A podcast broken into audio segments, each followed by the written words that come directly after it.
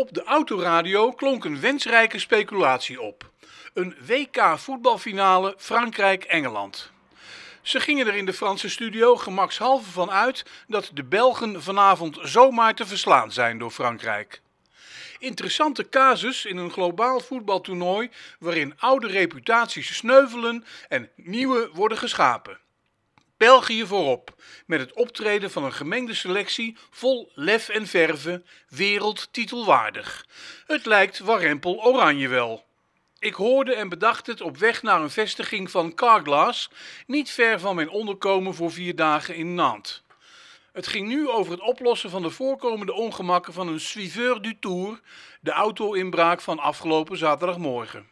Vanuit het vaderland was me van ANWB-wegen een adres opgegeven aan een boulevard des Martyrs de la Résistance. Bij aankomst vertelde een vriendelijke functionaris dat de filiaal op maandag gesloten is. Hij verwees me naar de satellietgemeente Rezé, de vestiging aan de rue Georges Charpak. Mijn navigatie sloeg niet aan op Charpak of de combinatie met Georges.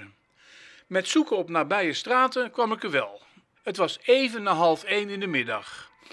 Een tekst op de deur informeerde me over de sluitingstijd van half één tot kwart voor twee. Even nam ik de tijd om Georges Charpak na te googelen. Hij verdiende meer dan dit suffe bedrijventerrein. Pools-Frans natuurkundige. In 1992 ontving hij de Nobelprijs voor de natuurkunde voor zijn uitvinding en ontwikkeling van deeltjesdetectors, met name de meerdradige proportionele kamer. Een geoefende toervolger komt dit niet te weten, behalve als er een raampje ingeslagen is in Nantes. Het was niet moeilijk om te besluiten de reparatie te laten wachten tot dinsdag bij de opening van het filiaal aan de Martelarenlaan.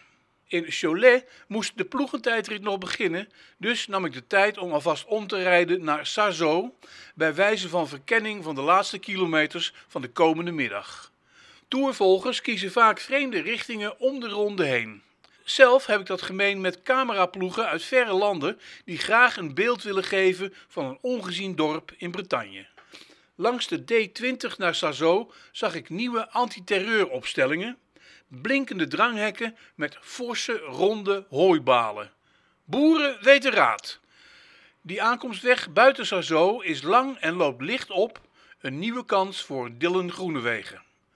Na de maandagse verkeershectiek was ik even blij met de sereniteit van de pleinen in Sarzeau. Ik hoefde niet naar de Tour in Cholet. Op de weg terug naar Nantes kon ik hem als altijd geweldig goed zien bij het luisteren naar Radio Monte Carlo. Integral Tour. Geweldige Radio Tour de France is dat, gepresenteerd door Christophe Cessieux met commentator Fred Adam en de duider der duiders, oud-renner en ploegbaas Cyril Guimard, bijgenaamd Le Druide. Het best denkbare voorbeeld voor onze eigen vaderlandse Radio Tour de France. In een file voor Nantes hoorde ik dat Greg van Avermaat het geel nam, maar ook dat Chris Froome niet meer zo vijandig werd bejegend. En Sunweb had met Tom Dumoulin een très, très, très bon temps neergezet.